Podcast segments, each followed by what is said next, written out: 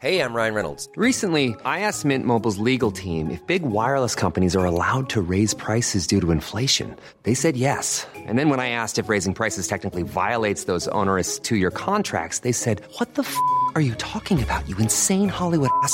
F- So to recap, we're cutting the price of Mint Unlimited from $30 a month to just $15 a month. Give it a try at mintmobile.com slash switch. $45 upfront for three months plus taxes and fees. Promo rate for new customers for limited time. Unlimited more than 40 gigabytes per month. Slows. Full terms at mintmobile.com.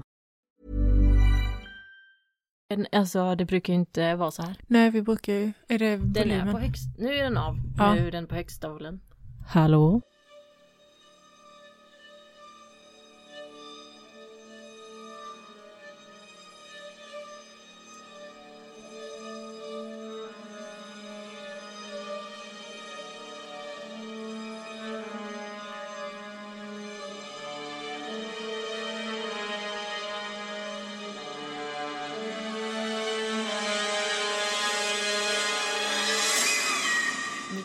Som jag ska prata om idag, det är jävligt invecklat. Jag har haft lite problem med att få ihop det här till en bra story, men eh, vi får se hur jag löser det. Det finns jättemycket fakta, teorier och misstankar så jag hade kunnat hålla på hur länge som helst. Jag kommer ta upp det som jag tycker har varit viktigast i detta fallet. Och vill du som lyssnar veta mer om Maura Murray så är det bara att söka på hennes namn. Det kommer upp hur mycket som helst. Det finns dokumentärer, bloggar, poddar och böcker om henne.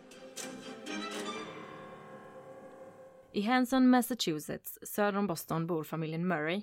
Familjen består av mamma Laurie, pappa Fred, systrarna Kathleen och Julie och lillebror Fred Jr. Den 4 maj 1982 föds lillasyster Mora som är huvudperson i det som jag kommer berätta nu. Något år senare föds lillebror Kurt. I familjen Murray är de alltså fem syskon. Pappa Fred är mycket sträng och när Mora är fem år gammal så skiljer sig föräldrarna. Men Mora och Julie är väldigt nära varandra och pratar om allt. I skolan så är Mora en toppelev hon har högsta betyg i allt och är högpresterande inom idrott. Hon spelar både basket och springer i löparlaget tillsammans med sin syster Julie. Mora vinner pris i skolan för en av de fem bästa med högst betyg. Hon kan alltså välja vilket universitet hon vill senare. Hon väljer till slut att studera kemisk ingenjörsvetenskap på United States Academy i West Point, New York. Hon stannar dock inte här länge. Efter bara ett år så byter hon utbildning och skola till University of Massachusetts Amherst där hon ska studera till sjuksköterska. Hon byter inte universitet av egen vilja utan det ligger en anledning bakom detta.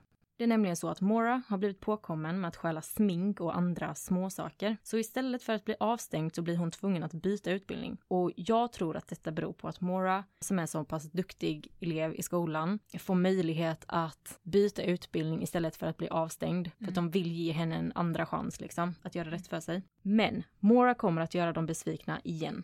I november 2003 blir Mora påkommen med att använda stulna kreditkort som hon beställer mat på. Och vännerna förstår ingenting, för Mora har pengar. Hon arbetar under tiden som hon studerar, så varför gör Mora så här? Vid denna tidpunkt är Mora tillsammans med pojkvännen Bill. Kompisarna och systern Julie misstänker att Bill är otrogen och det är ingen som verkar tycka om honom riktigt. Men jag kommer återkomma till Bill lite senare. Det är måndag, den 9 februari 2004 och Mora är 21 år gammal. Och den här måndagen kommer att bli en mystisk, frustrerande och hemsk måndag för väldigt många. Mora packar ner allt hon har i sitt rum på campus i flyttkartonger. Hon tar till och med ner alla tavlor som hon har på väggarna. Mora skickar iväg ett mejl till sina lärare och sina arbetskollegor. I mejlet står det “Jag tar en vecka off. Dödsfall i familjen”. Hon ringer ett röstsamtal till Bill som låter så här. “Jag fick dina meddelanden, men ärligt talat så orkar jag inte prata med någon. Jag lovar att ringa senare. Hon packar en väska med kläder, hygienartiklar, några böcker och p-piller, men lämnar flyttkartongerna i sitt rum. Runt 15.30 sätter hon sig i sin svarta bil och kör i riktning mot Canada, Vermont. Det är februari. Det är kallt ute och isiga vägar. Hon gör ett stopp vid en uttagsautomat och tömmer sitt kort på pengar, 280 dollar. Hon köper alkohol och sen fortsätter hon. När hon kört i tre och en halv timme så krockar hon och kör av vägen på Road 112 i New Hampshire. Det är mörkt, 10 minusgrader ute och snö på vägen. Det är ett ganska ödsligt område med mycket tät skog och bara några få grannar som bor vid sidan av vägen. Det är ingen bra täckning här. En busschaufför ser den krockade bilen och kör in till och pratar med Mora. Han heter Butch Atwood och kommer att bli sista vittnet som pratar med Mora. Han frågar om hon vill ha hjälp, men det vill hon inte och hon ber honom att inte ringa till polisen eftersom hon har ringt själv. Butch kör vidare hem och han bor bara 100 meter ifrån där olyckan skedde. Han ringer då polisen eftersom han vet att det inte finns någon bra täckning här, så han misstänker att Mora ljuger för honom. När han ringt samtalet kollar han ut genom sitt fönster, men då är hon borta. Nu ska jag berätta om några detaljer som är väldigt skumma, så du får lyssna noga. Yes. 1927 ringer det första vittnet in till polisen om en bil som har kört av vägen och det är en av grannarna. 1943 kommer busschauffören Butch Atwoods samtal in till polisen och bara tre minuter senare, alltså 1946, anländer första polisen Cecil Smith till platsen och ingen är där. Men en kvinna berättar i efterhand att hon körde förbi platsen 19.37 och då stod en polisbil parkerad vid Moras svarta bil. Hon reagerar på att en bil var krockad, men hon tänkte att en polisbil var ju redan där, så hon kunde inte hjälpa till med någonting. Detta sker alltså sex minuter innan Butch samtal kommer in till polisen. Men i anteckningarna så står det att första polismannen kommer dit 1946, alltså nio minuter efter att kvinnan körde förbi och såg en polisbil där. Så vem är det i polisbilen 1937 som ingen har antecknat om? Så här börjar oklarheterna i Moras mystiska försvinnande. Det är ju någon som låtsas vara polis. Mm. Det är kvinnan i bilen. Det är, det är hennes katt. Eller hur? Ja. Man vet inte det, så jag, åh, så frustrerande. Men jag kommer till mycket mer. Mm. Polismannen Cecil Smith anländer till platsen, men det är ingen där. Bilen är skadad fram till och båda airbagen har lösts ut och bilen är låst. Han kan se tomma ölburkar och spillt rödvin in i bilen. Fler polismän och räddningspersonal kommer till platsen och då märker man nästa mystiska grej. Det är en trasa som hänger ut ifrån avgasröret på Moras bil. Man söker igenom bilen och man har aldrig hittat Moras mobiltelefon eller kontokort. Borde det inte vara ett fotsteg i snön? Det var ju snö. Finns inga fotsteg. Men det är ju många människor som har varit i rörelse där. Mm. Både Mora, busschauffören, en eventuell polis. Det finns antagligen fotsteg utanför bilen, men som jag sa innan, det är en tät skog här. Här där Mora har krockat eller kört av vägen så är det som en kurva och det bor några få grannar ut med vägen, men det är liksom skog. Och jag kommer till det lite sen, men man har inte hittat några fotsteg inne i skogen. Som andra ord så har hon inte lämnat vägen. Vad man kan se så har hon inte gjort det. Men eh, det kommer. Ja, mer. Dagen efter, den 10 februari, anmäls Maura Murray som försvunnen. Lokalpolisen och delstatspolisen börjar leta efter henne med hjälp av sökpersoner, sökhundar och helikoptrar. Och man hittar ingenting. Det enda som blir avgörande är en sökhund som markerar en bit längs med vägen. Precis utanför Butch Atwoods hus stannar hunden och markerar att spåren slutar där. Och det är som jag sa, den här kurvan, så bor Butch Atwoods 100 meter framför kurvan. Kan det vara så att i och med att Butch var på platsen att hunden fick upp spåret efter Butch och följde hans spår hem till huset Mycket troligt. istället för hennes spår? Mycket troligt. Bara sex månader senare så avslutas sökandet efter Mora. De kan inte hitta någonting. Det enda man kan gå på nu är teorier. Vad kan ha hänt med Mora? Mördad? Självmord? Försvunnit ut i skogen och frusit ihjäl? Har polisen något med försvinnandet att göra? Kidnappad? Har hon startat ett nytt liv någon annanstans? Det låter ju nästan som att startat liv någon annanstans var hennes plan ifrån början. Men sen kanske att det inte riktigt blev som hon hade tänkt sig. Mm. Hon har ju packat ner sitt liv i lådor, tagit ut alla sina pengar, skickat ett mejl om dödsfall i familjen. Mm, jag fortsätter, får vi se om vi får några svar. Detta hände som sagt 2004. Det har varit mycket misstankar mot i princip alla människor som har haft någonting med Mora att göra. Polisen har för det första varit hemliga med sin utredning. Familjen har inte fått några dokument om förundersökningar och så vidare. Polisen menar att om de går ut med det här så kan den personen som har fört bort Mora få veta hemliga saker som kan vara avgörande för utredningen. Pappa Fred har varit omtalad i fallet. Han var som sagt mycket sträng och man har haft misstankar om honom att han har varit inblandad i försvinnandet. Pojkvännen Bill vart ju inte så omtyckt. Han drog sig även undan ganska snabbt efter försvinnandet. Han har varit omtalad om att vara inblandad på något sätt. Butch Atwood, som jag berättade om innan, han var det sista vittnet som pratade med Mora och det var ju även utanför hans hus som hunden markerade. Han har varit misstänkt för att vara inblandad. Det har även snackats om att Mora ville ta livet av sig. Man har då trott att hon vill fly ifrån pappa Fred och pojkvännen Bill, men det har familjen aldrig trott på. James Renner är en man som driver en blogg om Mora. Han är helt säker på att Mora lever. Han menar att hon har startat ett nytt liv i Kanada och han säger sig vara väldigt nära på att hitta henne. Hans blogg heter moramurray.blogspot.com. Då vet jag vad jag ska gå in och läsa ikväll Mm. i alla fall. Du, jag har försökt. Det är liksom, Mm. han har drivit den i alla år. Precis innan Mora tar bilen mot Vermont så sker några händelser som kan ha någon koppling till hennes försvinnande. Bara några dagar innan försvinnandet så krockar Mora sin pappas bil och skadorna ska ha kostat cirka 100 000 kronor. Då tänker jag, har Fred blivit så arg på Mora och hotat henne med någonting? Alltså det var därför hon kände att hon var tvungen att fly. Mm, Mm. vet inte. Hon hade varit på fest när hon krockade bilen. Och hennes kompisar har aldrig velat prata om festen efteråt, så man undrar ju vad, vad som hände där. Nästa chockerande händelse sker ungefär en månad efter Moras försvinnande. Då är det en annan kvinna som också försvinner, bara 15 mil därifrån. Hon hette Brianna Maitland och försvann på väg hem efter sitt jobb. Likheterna i båda fallen, det är att det är bilar inblandade. De är väldigt lika. De är brunetter båda två, ungefär lika långa. Och man har aldrig hittat Brianna. 2017 släpps dokumentären The Disappearance of Maura Murray och där gick Kathleen, syster, med på att ha en intervju med skaparen Maggie Frelling. Hon har aldrig velat vara med i intervjuer tidigare och hon börjar samtalet med att berätta hur lyckliga de var och hur bra uppväxt hon hade fått och nämner i princip bara lyckliga stunder. Men är det verkligen sant? Det låter inte som eh, det är det Mora har upplevt. Nej. Ju mer man tittar på det så släpper Kathleen lite på spänningarna. Kathleen ser speciell ut. Hon har väldigt uppspärrade ögon och långt mörkt svart hår. Och hon kommer att berätta en sak som hon aldrig har nämnt tidigare i den här dokumentären. Hon var alkoholist vid tidpunkten för Moras försvinnande. Och Kathleen var inlagd på rehab för alkoholmissbruk och hade precis kommit ut ifrån rehabiliteringen när hennes man kör henne till spritbutiken. Så hon faller ju tillbaka på en gång.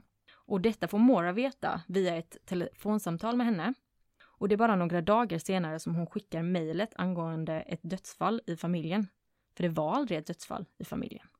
Jag refererar mycket till eh, den här dokumentären som jag har sett för att Maggie som är eh, skaparen av den har gjort mycket undersökningar på polisens arbete och har försökt hitta misstagen som de kan ha begått.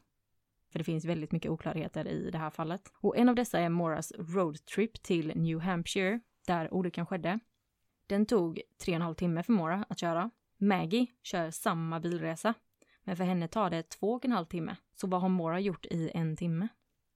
Två saker som jag tycker är värt att nämna i det här fallet är att det bodde två bröder i samhället där Mora försvann. En av de här två ska ha hittat en blodig kniv i handskfacket på sin brors bil. Han lämnar den blodiga kniven till pappa Fred som lämnar in den till polisen för undersökning.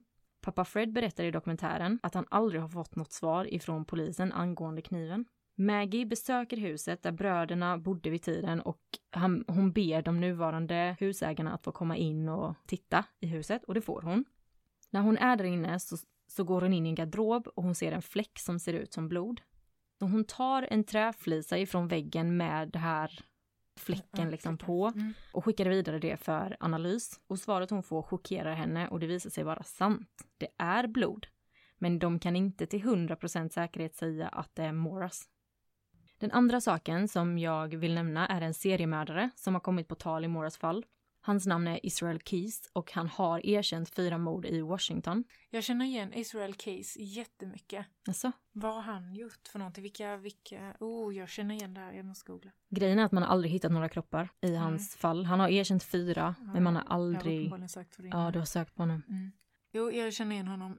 American serial killer, rapist, arsonist, burglar and bank robber. Mm. Keys admitted to violent crimes as early as 1996 with a violent sexual assault of a teen- teenage girl in Oregon.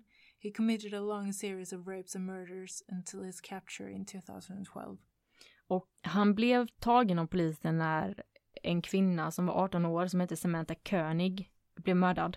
Då var det han de, de tog in.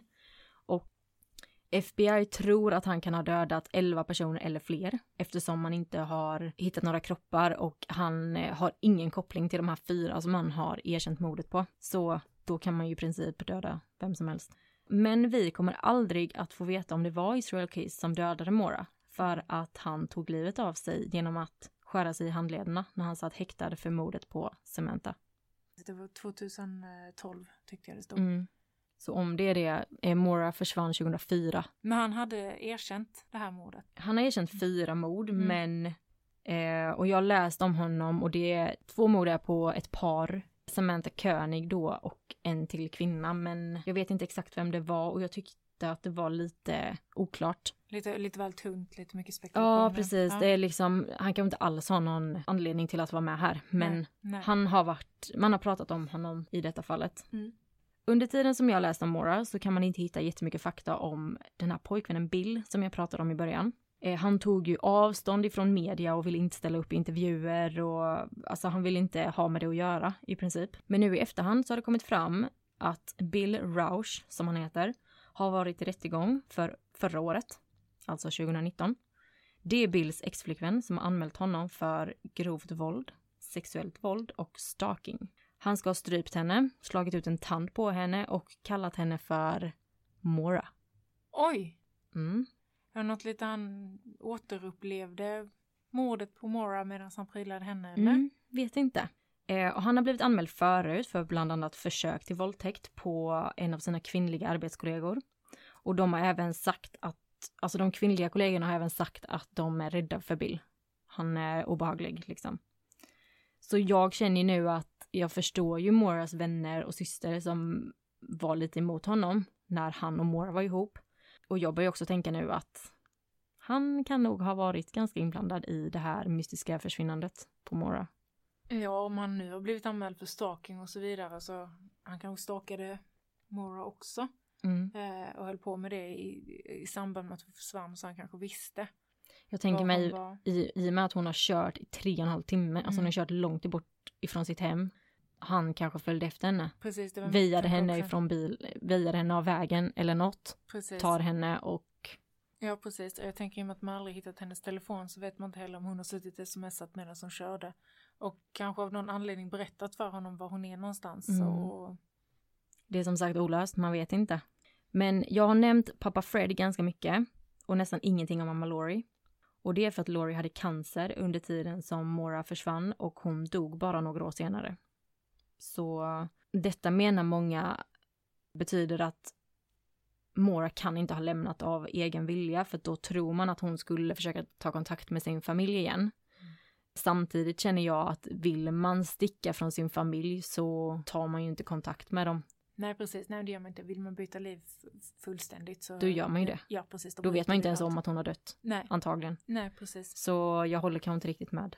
där. Nej, nej. I dokumentären om Mora så berättar systern Julie att hon aldrig har blivit förhörd av polisen. Pappa Fred blev förhörd först fem och ett halvt år senare. Så jag kan ju hålla med om att jag tycker att polisen har gjort ett ganska slarvigt arbete här. Definitivt. Men det tycker jag är återkommande i alla olösta fall man, eh, Mm. man hör polisen har inte gjort sitt jobb. Det är kanske olöst av en anledning då. Precis. Det är kanske polisen som har fuckat upp allt. Ja, precis. Inte tagit det på tillräckligt stort allvar på Nej. en gång. Det finns som sagt hur mycket fakta och teorier om Mora eh, Maura Murray, så det är inte klokt. Jag har tagit upp det som jag tycker är mest intressant i fallet. Men som sagt, är det någonting man inte förstår eller någonting mer man vill läsa om så är det bara att söka på internet. finns jättemycket. Men jag tänkte sammanfatta lite av det som jag har berättat och det som jag tycker är väldigt märkligt. Varför stjäl Mora? Varför hon packat ner allt hon äger i flyttkartonger i sitt rum på campus? Vad menar hon med dödsfallet i familjen som aldrig ägde rum? Har det en koppling till Kathleens eh, bakslag? Och varför tar hon ut alla pengar på sitt kort? Det var inte mycket pengar, det var 280 dollar. Men hon liksom tömde det hon hade. Man klarar sig inte jättemycket, vad är det? 2800 kronor Ja, typ. precis. Ja, det, du kommer ingenstans Nej. med pengarna. Men jag, jag tänker också på den här polismannen som då ska ha stannat vid henne. Kan det ha varit så att hon har bett honom om skjuts? Så han har kört henne Mm. in till stan eller någon annanstans då. Och sen så har hon satt sig på en buss och dragit och fullföljt det hon pla- hade planerat att göra. Mm. Alltså han James Renner då, det finns jättemycket om honom. Mm. Och han är med jättemycket i den här dokumentären jag Mm. pratar mycket om. Mm. Familjen hatar honom. För att han tror ju att det är Bill och Fred Mm. som ligger bakom att hon vill sticka. V- Men vem är den här James? James Renner är, ehm, nej men ehm, jag har uppfattat hon, honom som en, jag vet inte om han är, om han är någon som också har gjort dokumentärer och typ journalist och sånt. Okej, okej. Och han har då blivit helt besatt av det här fallet och bara Mm. jag ska lösa det. Och man får se i dokumentären när han pratar med en kvinna som, eller han, han har åkt, han tror att hon har stuckit till Kanada. Ja. Så han har åkt dit och pratat med folk, visat bilder på Mora. Och då är det en kvinna som säger, ja men hon tränar på detta gymmet. Hon, gjorde, hon var här senast för tre veckor sedan. Så då börjar man ju undra, bara, men shit, det kan ju stämma. Ja, precis. Men sen får man också se hon här Maggie som då gör den här dokumentären. Mm. Hon, hon facetimar med samma tjej Mm. som har sagt att hon har sett henne. Mm. Och då har man gjort en bild från när Mora var 21 år gammal 2004 och liksom gjort en bild på hur de tror att hon ser ut idag. Ja. Och då säger hon det är absolut inte likt. Nej, okej. För att James Renner har ju antagligen visat en bild från 2004. Ja, precis. Och eh, då är det ju alltså minst tio år senare. Och då kan man ju ha ändrat sitt utseende. Och jag tänker, vill man dölja sig så kommer man ju antagligen klippa håret, färga håret och så Ja. vidare. Sen, sen tänker jag på varför är bilen låst? Ja, precis. Man låser ju inte bilen om, alltså om hon har blivit kidnappad och mördad Ja, till precis. exempel. Ja. Det är inte så att man bara, äh, vänta lite, jag ska låsa bilen först. Nej, exakt. Hon har ju frivilligt gått ut ur bilen då Mm, och låst den. mm, För ja, som du säger, om man blir tagen direkt, du hinner inte låsa bilen. Hur ska? Nej. Du hinner inte ta din handväska och din mobil heller, eller vad det är hon har tagit ifrån bilen. nej. Hon har ju mobiltelefon och kontkort på sig antagligen, för det har de Ja. aldrig hittat. Nej. Men sen låg det ju kvar det här p-pillerna och väskan som hon packade och sånt. Det är kvar i bilen. Jag tänker, hon får, skulle hon ha fått skjuts från någon för att åka och ta en buss eller vad det är så... Då, Då hade vill man ju tagit- med sig sin ja, väska. precis. Ja. Varför är det en trasa i avgasröret på bilen? Ja, det är väldigt Mm. märkligt. Hur har den hamnat där? Nej. Och det ser man också i dokumentären. Och där erkänner pappa Fred att han har tipsat Mora att man kan sätta en trasa i avgasröret. Och jag fattar ingenting. Men han menar att eh, Mora körde en jättegammal bil Ja. och om, poli- om, man skulle, om hon skulle se polisen komma och typ vilja stoppa henne så skulle hon stanna bilen och stoppa in avgasrör eller stoppa in trasan i avgasröret. Men jag, alltså jag fattar verkligen inte varför. Vi googlar trasa i avgasröret. De visar här i dokumentären för då, då, är det, då misstänker, ehm, jag tror det är ambulanspersonalen som kommer och ska hjälpa henne. Eller hjälpa, hjälpa till vid olyckan. Mm. De reagerar jättestarkt på detta, bara vad fan är detta?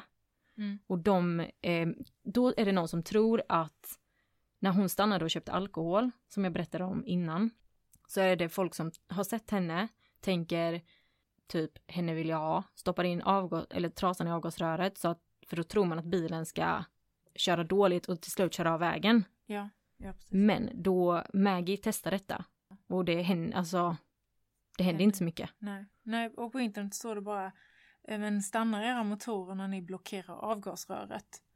Och då, och då har deras motorer gått sönder. Det är inget jag har kunnat titta faktiskt, att motorn var sönder. Nej, nej precis. Utan nej. det är mer som att någon har satt dit den i efterhand, Ja. typ. Ja. Jag tänker om, men det låter, om hennes pappa har sagt det till henne av, jag vet inte vilken anledning. Känns det som att, okej hon har sett en polisbil och stoppar in trasan och så pratar hon med polisen. Mm. Och det, det är vittnesuppgifter som, som säger att hon stod och pratade med en polis Mm. innan polisen kom dit. Eller Mm. officiellt säger att de Mm. kom dit. Men då om bilen har varit körd med trasan i, då bör motorn ha stannat och toppackningen i motorn borde ha gått sönder. Ja, den är jävligt... ehm, jag fattar inte riktigt vad pappa Fred menar, men... Mm. Den stora frågan är ju vem körde polisbilen 1937? Precis. Alltså, 2004, borde de inte haft GPS i polisbilarna då? Alltså det man kan se i Mm. dokumentären igen, Mm. det är att den här kvinnan kommer ihåg att det står 001 på polisbilen. Okej. Alltså de har vissa nummer på olika polisbilar Ja, och detta precis. är hon väldigt säker på. Men den som kör polisbil 001 Ja. är polischefen och han jobbar inte den dagen. Och han Nej, säger själv att eh, jag har inte kört den här bilen. Men- Och jag tänker det är också grannar, det är ingen annan som har sett den här polisbilen, det är bara hon. Och det finns tre grannar som bor, det är Butch Atwoods, vittne 1 och vittne 2 som också är grannar som bor, eh, all, de bor inte jättenära olycksplatsen men de ser olycksplatsen och ingen har sett en polisbil. Det är bara kvinnan som har kört förbi som har sett den.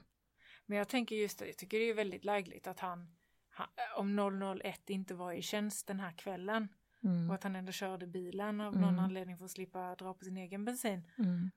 och då körde förbi och ja, men alltså det är ju det skulle ju inte vara första gången i historien som en polischef skadar tjejer. Nej. Nej. Vet vi ju i alla fall här i Sverige. Ja. Jävla äckel. Mm. Varför slutar spåren av Mora precis utanför Butch Atwoods hus? När jag läste om detta fallet så var jag helt säker på att det är Butch Atwood. Han ser väldigt speciell ut också. Mm. Och jag tänker han hade ju kunnat ta in henne i bussen. Ja. Men vet vi med säkerhet att hundarna har fått upp rätt spår? Alltså jag skulle nog säga det för hundar är ju extremt tränade Ja. på att hitta Ja. Alltså de har ju antagligen haft att hunden ska lukta på hen, hennes gamla kläder och sånt Ja. och så har de hittat ett spår. Men sen har jag också tänkt på vad gjorde Mora den timmen som blev över när hon körde bilen mot Vermont. Det tog ju inte tre och en halv timme att köra den. Så hon har ju stannat någonstans. Har hon då stannat och liksom någon annan hoppat in i bilen kanske? Hon kanske inte är själv längre. Nej, det är Har hon sant. varit själv hela tiden? Eller har hon haft med sig någon? Och är det Moras blod som är i brödernas hus? I så fall är ju fallet löst. Ja, ja, precis. I så fall är det ju dem. Men jag antar att det är så pass lite blod på den här träflisan så de, de Ja. kan inte se om det är hennes. DNA. Nej. Nej. De, det enda de kunde se det, det är blod. Mer kan vi inte se liksom. Men varför skulle man ha blod i en garderob? Nej. Du, du får inte näsblod i garderoben. Det är ju något som inte stämmer där. Mm. Och sen tänker jag, hur var egentligen förhållandet med Bill? Mm. Försökte hon fly från honom men han körde efter, plockade upp henne och mördade henne kanske? Jag fokuserar fortfarande på de här bröderna. Mm. Den här kniven, Ja, testades ens den? Eller tappades den bort? det är det poli- polisen vägrade gå ut med, med det. För att de tror väl att de kan lösa detta någon gång. Mm. Då kan de inte gå ut med att ja, det är Mora. Nej, nej precis. Eh, och sen, men sen har jag också tänkt på detta, den här brodern som lämnade kniven till Fred. Mm. Varför lämnar inte han den till polisen? Ja, precis. Varför ger han den till Fred? Kolla, Jag, jag, här är nog Moras eh, mordvapen, liksom. Det tyckte jag var konstigt. Ja, det, det, det håller jag med Men Man kanske inte heller vill sätta dit sin bror. Fast Och- gör han ju i princip ändå. Ja, men jag tänker det är ändå skillnad att gå till polisen och gå till... Offrets pappa. Ja, det är ju lite sjukt faktiskt. Ja, jag tycker den är jävligt konstigt liksom. Ja, alltså det är, liksom, det är tio minuter vi pratar om. Nej, inte ens tio minuter som hon kan ha försvunnit Nej. på. Jag tror det är nio minuter. Ja, nio Nio minuter. minuter, något sånt. Mm. Då kan en människa försvinna helt utan spår på nio minuter. Nej. Så mycket oklarheter. Och sen är den här Israel Keys, som jag pratade om innan, Mm. är han mördaren? Det är så jäkla... Alltså att han skulle lyckas hitta henne på den här luckan på nio minuter. Mm. Han har haft jävligt eh, tur i så fall. Ja. Jag tänker hon borde ju hoppat in i en annan bil frivilligt eller någonting med tanke på att hennes mest personliga grejer är borta, mobiltelefon och så Mm. vidare. Och bilen är låst. Och eh, hundens spår slutar Mm. ett tag där, alltså några. Ja. hundra meter därifrån. Ja, precis. Om, ja. Så då borde hon ju ha åkt därifrån, Mm. inte gått. Sen tycker jag det här med Brianna Maitland, Mm. som hände 15 mil, Ja, Ifrån. just det. Ja. det är väldigt, alltså jag vet inte hur vanligt det här är i USA, men Nej. alltså 15 mil är inte jättelångt. det Nej, är som här, härifrån Göteborg typ. Ja, ja, precis.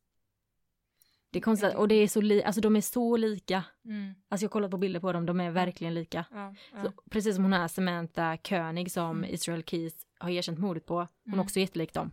Alla är ungefär Mm. samma ålder också. Har de, är det ungefär samma tillvägagångssätt i... Eh, Nej, jag vet Jag faktiskt inte hur Samantha um, blev mördad. nej. Men i Brianna och Moras fall så är det ju bilar Mm. som har blivit typ krockade Mm. och de har försvunnit. Det kan ju vara en seriemördare. Serievåldtäktsman slash seriemördare. Ja, Gillar unga, unga brunetter. Som har krockat sina bilar. Jag hoppas att James Renner aldrig slutar med sin blogg så han, han kanske hittar henne i Kanada till slut. Ja. Vem vet? Jag hoppas det, men jag hoppas att hon Mm. lever någonstans. Mm. och få det och ha det liv hon drömmer om att ha. Mm. Nu är jag skitsugen på att höra ditt Ja, fall ja, det, som jag har fattat är lite likt. ja, det är ganska så likt. Det handlar också om bilar och eh, försvinnanden. Så Det är inget bra det här alltså. Nej, det är det inte.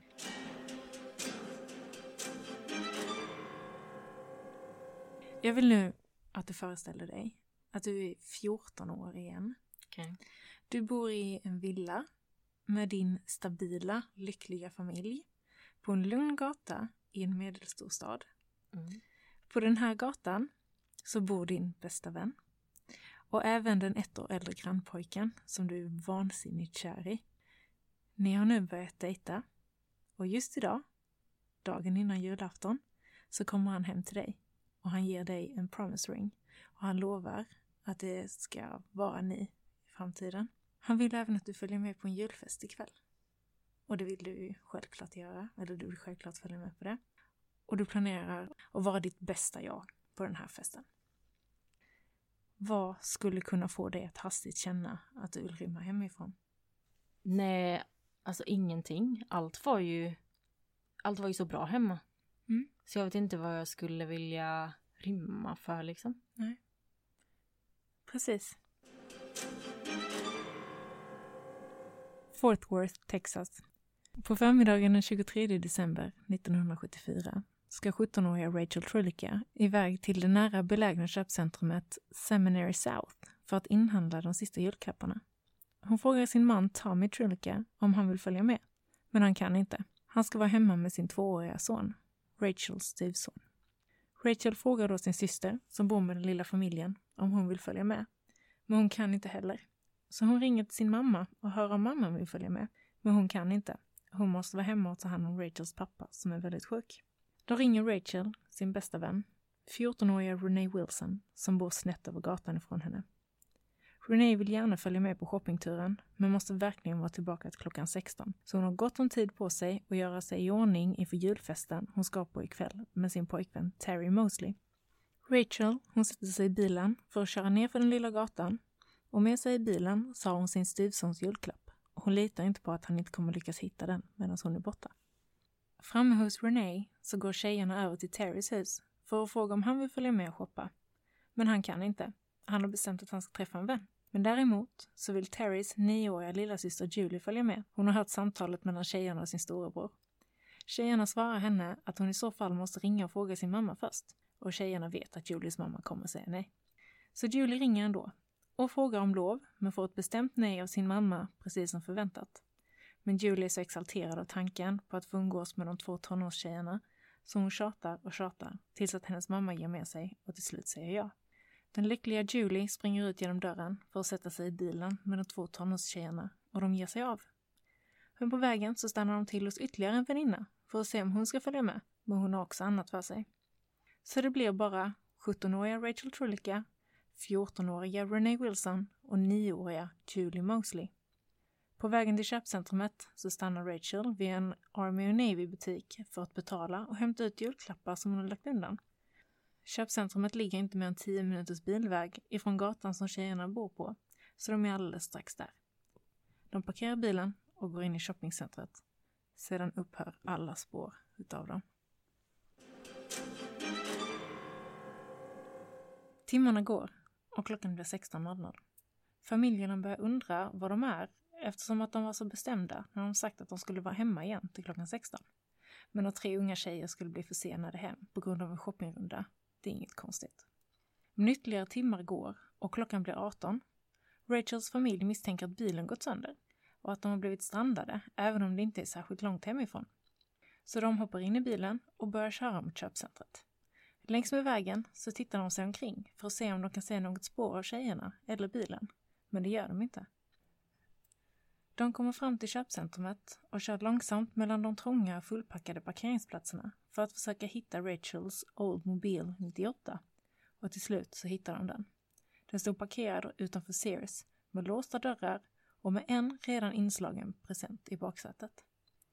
Rachels mamma tar Rachels lillebror Rusty i handen och går in i varenda affär i köpcentrumet och ber dem ropa efter tjejerna i högtalarna. Och det gör de. men ingen dyker upp. Då beslutar sig familjen för att ringa polisen och polisen kommer dit omgående. Polisen har tagit vittnesuppgifter för alla som kan tänkas ha sett flickorna. Ett par stycken minns tydligt Renées gula tröja med texten Sweet Honesty på. Några säger att de sett dem bråka med en man på parkeringen och att de konfronterade dem, men så svarade mannen bara It's a family matter. Några andra säger att de har sett flickorna tillsammans med en säkerhetsvakt och hoppat in i hans pickup. En butiksanställd säger att en kvinna har sagt till honom att tjejerna har blivit infösta i en bil på parkeringen. Men den här kvinnan hittar polisen aldrig, så de kan få det bekräftat. En annan säger att tjejerna har åkt runt i en golfbil med en säkerhetsvakt under dagen. Så det finns massor av uppgifter om tjejerna och deras försvinnande, men det går inte ihop. Nu har alla tre tjejernas familjer anslutit till köpcentrumet och de upplever allihop att polisen inte gör tillräckligt mycket eller tar situationen på allvar. Och det stämmer. Polisen tar inte det på allvar. Även om de samlar in vittnesuppgifter så tror de bara att flickorna har rymt och att de snart ska dyka upp igen. Polisen väntar tills alla kunder har lämnat köpcentrumet för kvällen innan de söker igenom alla lokaler. Sökningen ger inget resultat. Trion är spårlöst försvunnen. Timmarna går och det är nu midnatt. Några i familjerna bestämmer sig för att åka runt i staden för att leta efter tjejerna. Några andra stannar kvar vid bilen och väntar ut natten i förhoppning om att trion ska dyka upp vid bilen igen. Morgonen därefter så meddelar polisen Rachels man Tommy att han kan hämta hem bilen. I samband med detta så kollar han brevlådan. Även om klockan bara är tio och han egentligen vet att posten inte kommer förrän sent på eftermiddagen så reflexmässigt öppnar han luckan. Och där ligger ett brev. Bara ett brev och ingenting annat. Det är väldigt formellt adresserat till Thomas A. Trillica och uppe i det vänstra hörnet stod det Rachel. Tommy går in i huset och öppnar brevet ihop med Rachels syster Deborah. Han tycker att det är så märkligt att brevet är adresserat till Thomas A. Alla han känner, inklusive Rachel, kallar honom alltid för Tommy. I brevet så står det I know I'm going to catch it, but we had to get away. We're going to Houston. See you in about a week.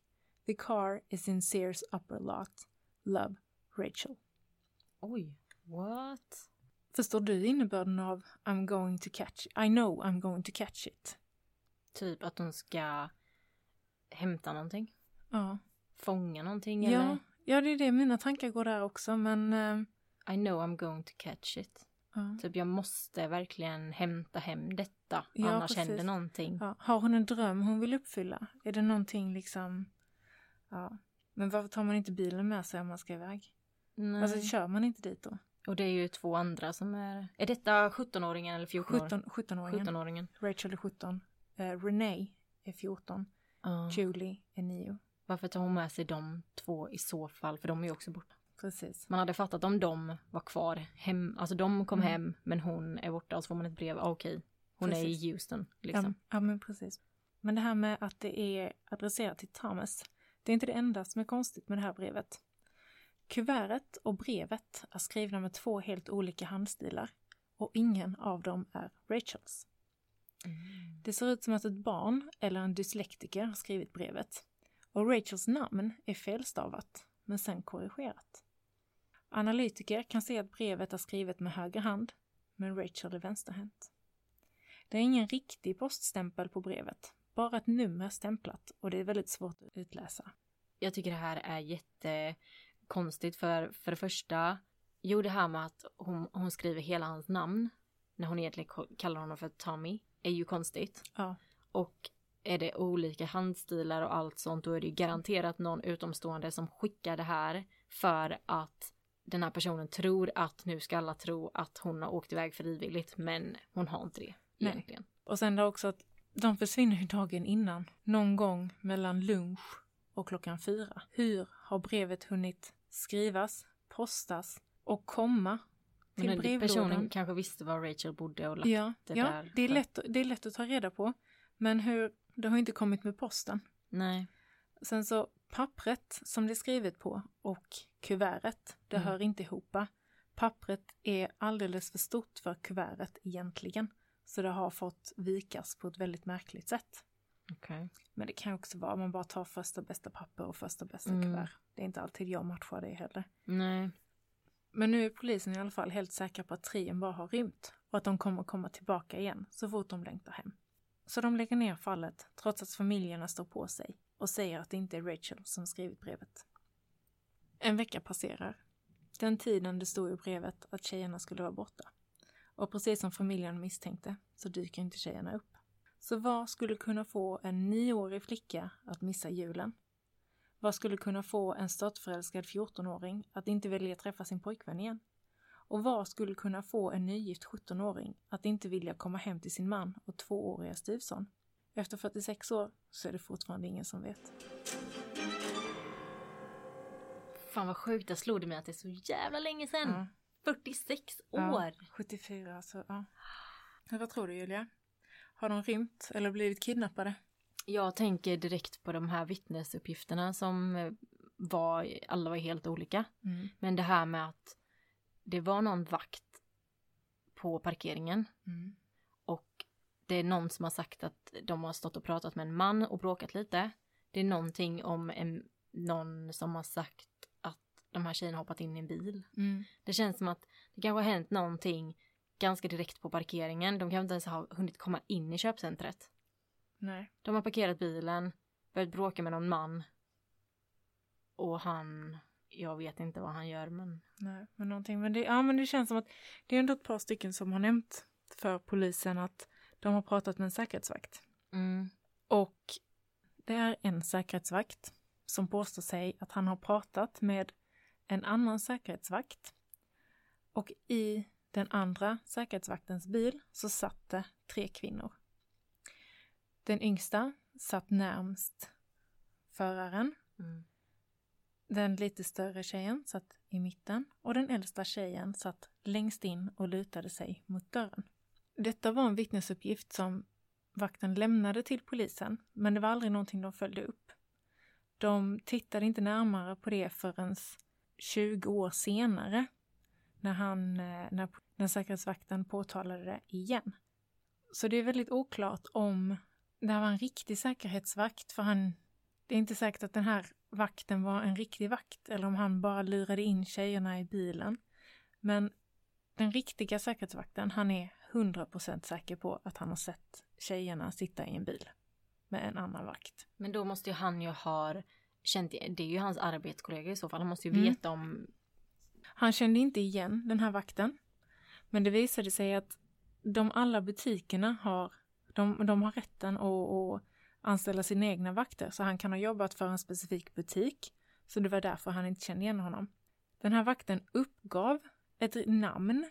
Det var ett namn på en riktig säkerhetsvakt. Den riktiga säkerhetsvakten kände till.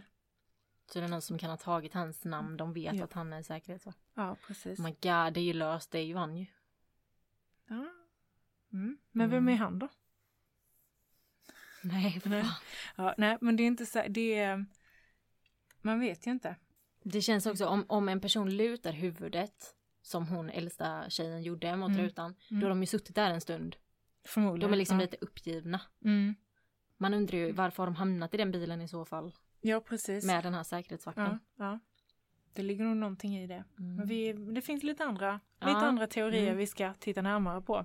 Mm. För det här är allt vi vet om tjejernas försvinnande. Mm. Det finns ju då lite olika teorier om eh, vad som skulle kunna ligga bakom tjejernas försvinnande. Men de är väldigt tunna allihopa. Men i alla fall.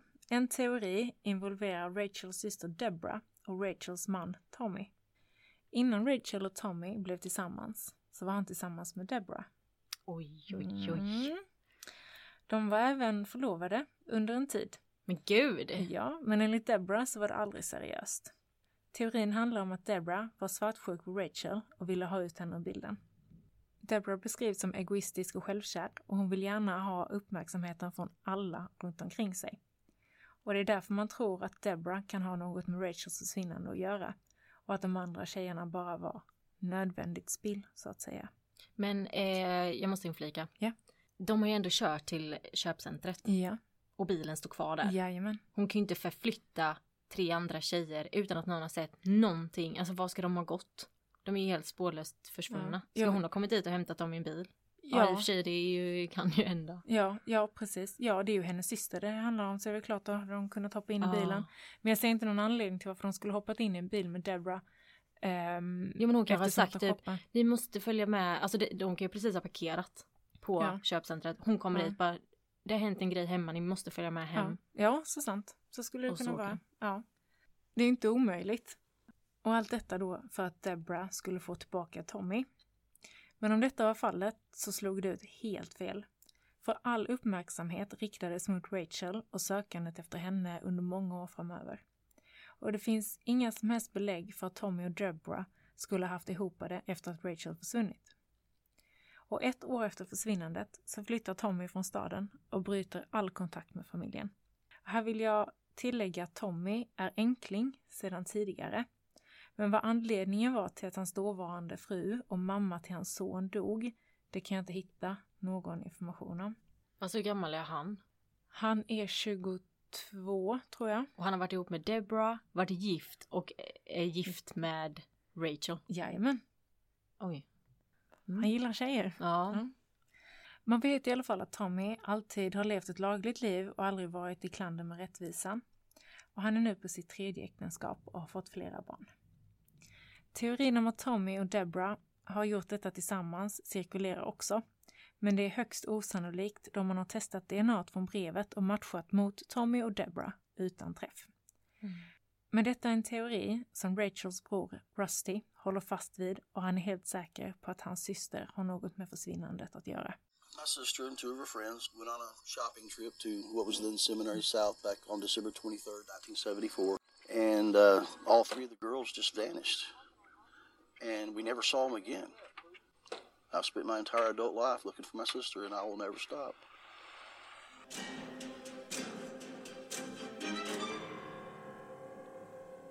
Debras teori däremot är att tjejerna har blivit kidnappade och intvingade i prostitution.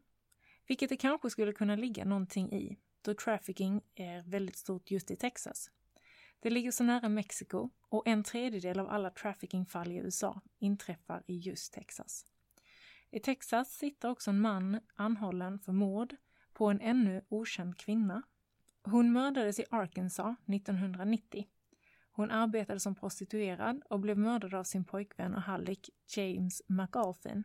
När James häktades började han göra väldigt många uttalanden om saker som inte var relevanta för det han stod åtalad för. Bland annat så sa han att kvinnan han skjutit var uppväxt tillsammans med The Fourth Worth Trio, Rachel, Renee och Julie. För att citera honom i en intervju han gjorde med Huffington Post. The identity is not a mystery to me. But if you solve this case, you will find that you also will solve a couple of more cold cases. Han sa även att kvinnorna hölls fångna i Fort Worth och de brukar åka och hälsa på dem. De manipulerades och torterades tills att de var villiga att arbeta. Och Julie, hon dog tidigt i komplikationerna efter en födsel. Rikt- Julie var ju nio år. Jajamän. Och teorierna och ryktena om att Julie skulle ha dött väldigt, väldigt ung, det är någonting som, som cirkulerar i alla teorier man läser. Att hon skulle ha dött. Varför det då? Det, det har varit som då komplikationer om födsel, att hon skulle ha blivit mördad eller hon skulle ha dött av misstag. Det är någon teori om att tjejerna bestämde sig för att ta någon form av droger och Julie fick testa och Julie har dött och då bestämde sig Rachel Renee för att rymma och aldrig mer komma tillbaka. Men alltså det är väldigt tunt och jag tycker inte det låter så jävla troligt. Nej, det är verkligen bara spekulationer. Ja, precis. Så det, nej, jag drar inte upp det här ens för jag, jag tycker inte att det låter riktigt troligt. Eh, Rachel är väldigt barnkär och hon har en tvååring, eh, tvåårig styvson där hemma som väntar på henne. Hon, eh, nej, nej jag, tr- jag tror inte det. Nej. Men ingen vet om detta var för att förvirra utredarna ännu mer så att de aldrig skulle, skulle kunna få reda på kvinnans identitet eller om det låg någon sanning i det. Poliserna gjorde ett uttalande kring James McAlphin som lydde att de inte tror på någonting han säger. Här är en annan teori som också skulle kunna vara trolig. Mm. Okej. Det finns en teori om en man som heter James de Bartoleben, också kallad för The Mall Passer.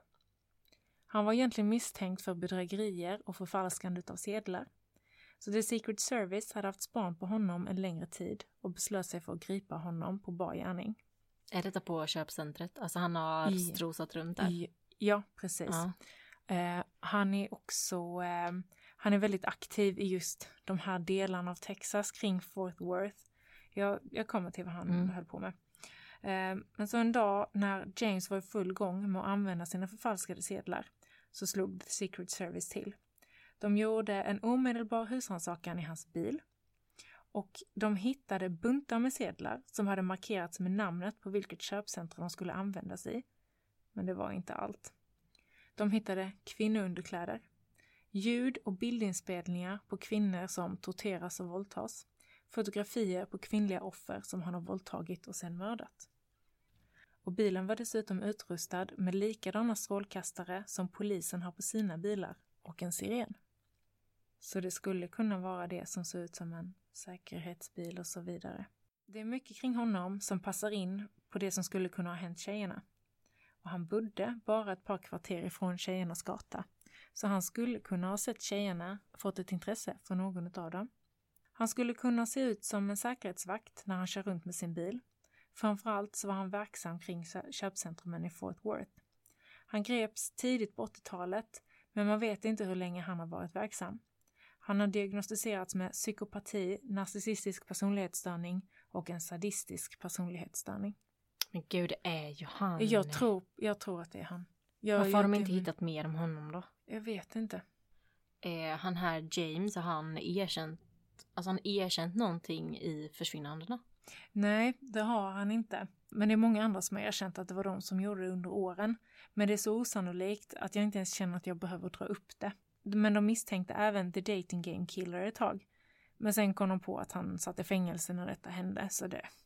Teorierna där, de, de är så tunna så att Mm. det, det, det är ingen mening att, att hålla er på och dra i det, för då hade vi kunnat sitta här i flera, flera timmar. Okej. Men alltså jag har själv funderat lite. Och jag vet inte om jag ska kalla det en teori, men jag har många frågetecken och jag tycker det finns lite samband här. Under tiden jag gjorde min research så trillade jag av en slump in på andra olösta mord. Och det visade sig att det är flera unga kvinnor och tjejer som har försvunnit i och omkring Fort Worth. Eh, det kallas för The February Slayings. Har du hört talas om det? Nej. Nej. Inte jag heller. Det, Mm. Aldrig hört det. Där är lite kopplingar, men samtidigt inte. Men alla de här morden hänger ihop, det är jag helt säker på. De inträffar alltid i februari. Var olika år liksom? Olika år, ja. Okej. Precis. Så det, det är väl lite motsägelsefullt att detta inträffar i december, men jag tänker en mördare som inte riktigt kan hålla sig till februari, utan han vill göra det nu nu. Så Mm. det, ja, vi- jag ska berätta om dessa så. Ja.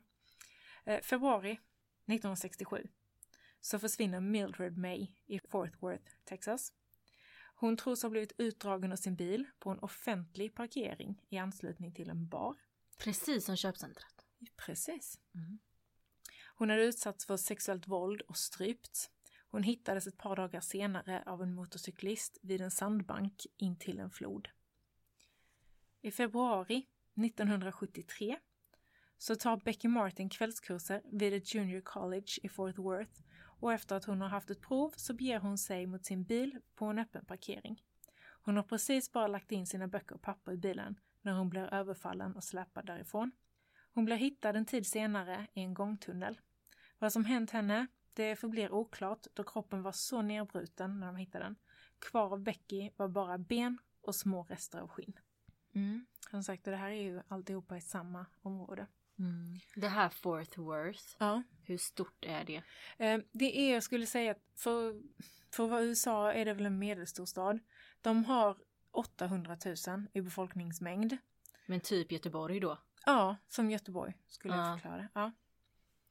Så för oss är det ju stort i Sverige men alltså med tanke på hur stora städer de har. Mm. Men typ så- man får lite perspektiv. Ja. Mm. Men Göteborg och detta händer va, alltså flera år i rad. Det är ju Ja. jättelika Jajamän. fall. Ja. Ja. Och i februari igen, 1974, så har 17-åriga Carla Walker varit på skolbal ihop med sin pojkvän. Men efter att den var slut så åkte paret till bowlinghallen för att umgås med lite vänner. Vid midnatt är det dags för paret att lämna och då går de ut till bilen. De båda ungdomarna hinner inte mer än att sätta sig ner innan passagerardörren slits upp och Carla dras ut. Pojkvännen försöker att hålla kvar henne i bilen, men gärningsmannen slår honom i huvudet med sin pistol tills han tuppar av och tappar greppet om Carla. Carla hittas sedan ett par dagar senare, våldtagen och strypt i en gångtunnel. Hon tros ha hållits fången i flera dagar innan hon dödades och släpades till gångtunneln. Under obduktionen hittar man morfin i hennes system. Och det, det är något lite intressant i just detta. Det kanske är helt irrelevant, men en kompis till paret, vars pappa är intresserad av gammal militärutrustning, har budat in en fältröntgenmaskin på en auktion. Till maskinen tillhörde förbandsväskor som innehöll stora mängder morfin. Han visste inte vad han skulle göra med dem, så han bad sin son, alltså Carlas vän, att lämna in det till den lokala Army Navy-butiken. Du minns att tjejerna Ja, där stannade skulle de till. vara inne. ju. Jajamän, där var de inne och handlade på vägen till köpcentret. Jag vet inte om det är relevant, men det Kanske ett butiksbiträde som jobbar där Ja. som... Det, det var min tanke också. Eller det Mm. är min tanke också. Det är ju garanterat samma. Ja, jag tror det Man. med. Ja. Och jag tänker så här, i och med att den här, jag antar att det är en man, Ja. har mördat i februari. Mm. Och så kanske han inte hade gjort det på något år. Eller för detta Mm. var ju också 97, eh, 74. Ja, precis. Och det var 74 de här tre tjejerna Jajamän. försvann. Det var ju sen i december eh, samma år som det här, som Carla, Mm. som trion försvinner från köpcentret. Jag tänker att jag fick någon sån abstinens och bara Precis. jag tar tre på en gång. Jag skit, alltså han bara gjorde det. Precis. Jag, jag tänker samma. Jag tänker just att de, eh, precis som du säger, att han fick abstinens. Han ville göra det igen. Han hade redan börjat ta risker. Han har ju tagit risker hela tiden i och med att ha offentliga parkeringar. Men nu tog han en större risk när det var en annan person med i bilden. Det var Carlas pojkvän var ju med. Innan Mm. det så tog han ju ensamma kvinnor. Och då tänker jag att han kanske ville utmana sig själv och ta Mm. ännu fler med jättemycket människor runt Mm. omkring. Men den här pojkvännen som satt i bilen, Ja. han har inte sett Alltså har han sett hur den här personen ser ut eller har han sett Nej, någonting? han har inte sett någon. Han har ju, nej, han såg aldrig hans ansikte. Han kunde beskriva kläder och så, men det var allt. Har den här personen slått till igen? Efter 74? Ja, det har han. Han slog till, vad vi vet, i februari 1975 igen. Då var det June Ward som blev överfallen. Hon blev utsläppad ur sin bil på en parkering, tagen därifrån, våldtagen och strypt. Hennes kropp hittades då, även ett par dagar senare. Det är det som är så konstigt, de andra Mm. har ju man hittat. Precis, det är det jag tänker också. Man har ju hittat dem. Men jag tänker det första fallet som du berättar om, Ja. hon hittades ju nära en flod. Ja, Har han då slängt de här tre unga tjejerna Ja, i en flod i och floden. flut, de har liksom, vad säger man, flutit iväg och Ja. därför har man aldrig hittat dem. Ja, ja, jag tänker det att han kanske kände att oh, att slänga Carla i en gångtunnel, det kanske inte var så smart för att då det, det är så lätt att hitta och nu ville han vara säker på att de försvinner.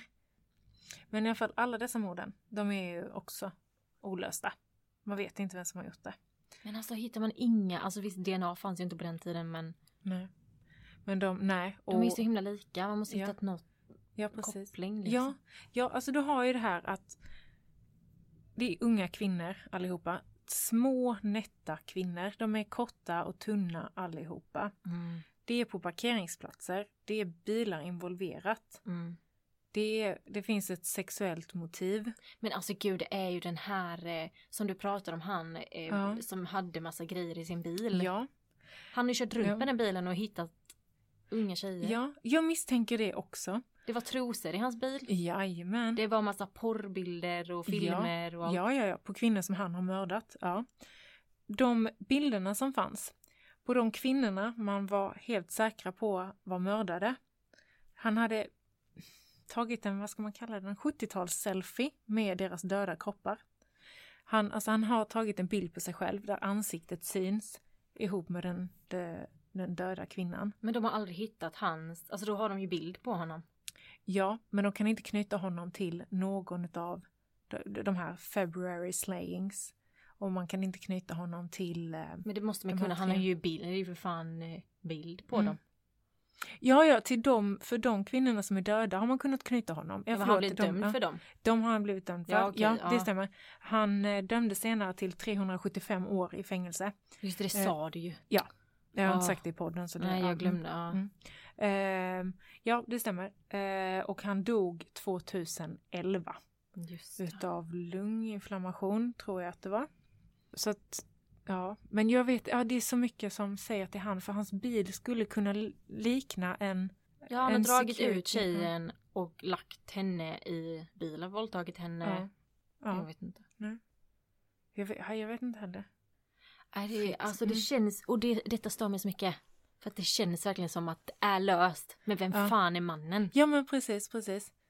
Det är liksom i mitt fall som jag pratade om innan med Maura Murray. Mm. Alltså hon är det ju liksom tio personer det skulle kunna vara. Ja, precis. Men här känns så jäkla Mm. klart att det är han. Mm. Men vem fan är han då? Ja, Det är liksom, han är så Ja. nära ja, på att lösa det. ja, Det finns så mycket Mm. bevis. Han har till och med blivit dömd för andra mord som är typ exakt likadana. ja. Men, eh, Men ändå så kan man ändå inte koppla han till Nej. det typ. Och strax efter allt detta också så var det även en 11-årig flicka som blev kidnappad och mördad, också i Fort Worth. Hon skulle gå ut med soporna och då kom ju en man och kastade in henne i bilen och tog henne med sig. Det var också i samma veva, men han, han dömdes för det brottet, jag minns inte vad han hette. Men han har inte kunnat knytas till något annat. Hittades hennes kropp. Ja, hennes kropp hittades sen. Men någonting jag, jag tänker på är det här brevet också. Ja, precis. Om det är han, vad fan skulle han skicka ett Mm. brev då för? Ja, just det. Det var det jag skulle ta upp också. Han har inte skickat brev i något av de andra fallen. Nej. Men det finns ett brev som skickades på 90-talet till polisen. Där det står "Hmm, hmm, Killed Carla Walker. Och så är det bara signerat med 10100. Jag vet inte riktigt är vad det jävla sjörövar. Sjörövarkod. Ja, jag satt, och, jag satt och kollade upp massa koder och så, men jag kunde inte få, få ihop det till Mm. någonting. Först tänkte jag, ha ettor och nollor, det är binär kod, men det är, liksom, det är för kort för att det ska Mm. kunna vara någonting. Eh, men jag menar, då är det ändå ett brev, men samtidigt är det ett brev som är skickat till polisen. Det kan ju vara vem som helst. Alltså det Ja, kan vara någon som bara, nu precis. ska jag jävlas med polisen Ja. lite. Ja, precis. Det är så, det, ja, det är så frustrerande med Ja. såna här eh, olösta eh, fall och Åh, jag hoppas bara de löser det någon gång. Ja, jag hoppas det med, men det är... Nu, alltså, Alltså, ditt ditt fall är ju det- 46 Ja. år gammalt. Mitt är, det hände Sex- 2004, Ja, 16 år. Ja. 16 år sedan. Så det, alltså, det, är ju, det är också ett kallt fall. Mm. Chanserna för att det skulle lösas är inte så stora. Men de kanske är aningen större än i, Men i i detta. Mm. Känner du samma som oss och liksom kanske har några andra tankar än vad vi har pratat om idag eller idéer eller vad som helst så kan ni nå oss på vår mail Dösnack understreck podcast at hotmail.com. och våran Instagram som heter dosnack podcast. Ja, så hörs vi igen nästa vecka.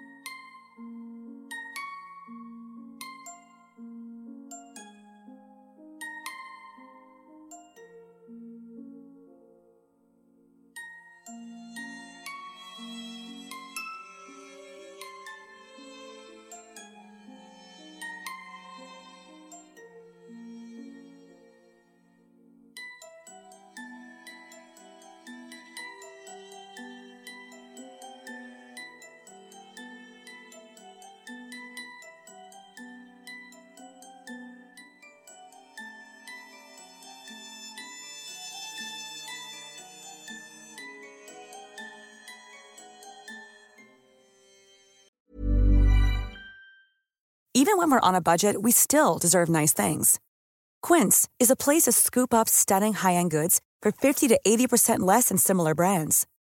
They have buttery soft cashmere sweaters starting at $50, luxurious Italian leather bags, and so much more. Plus, Quince only works with factories that use safe, ethical, and responsible manufacturing. Get the high-end goods you'll love without the high price tag with Quince. Go to quince.com slash style for free shipping and 365-day returns.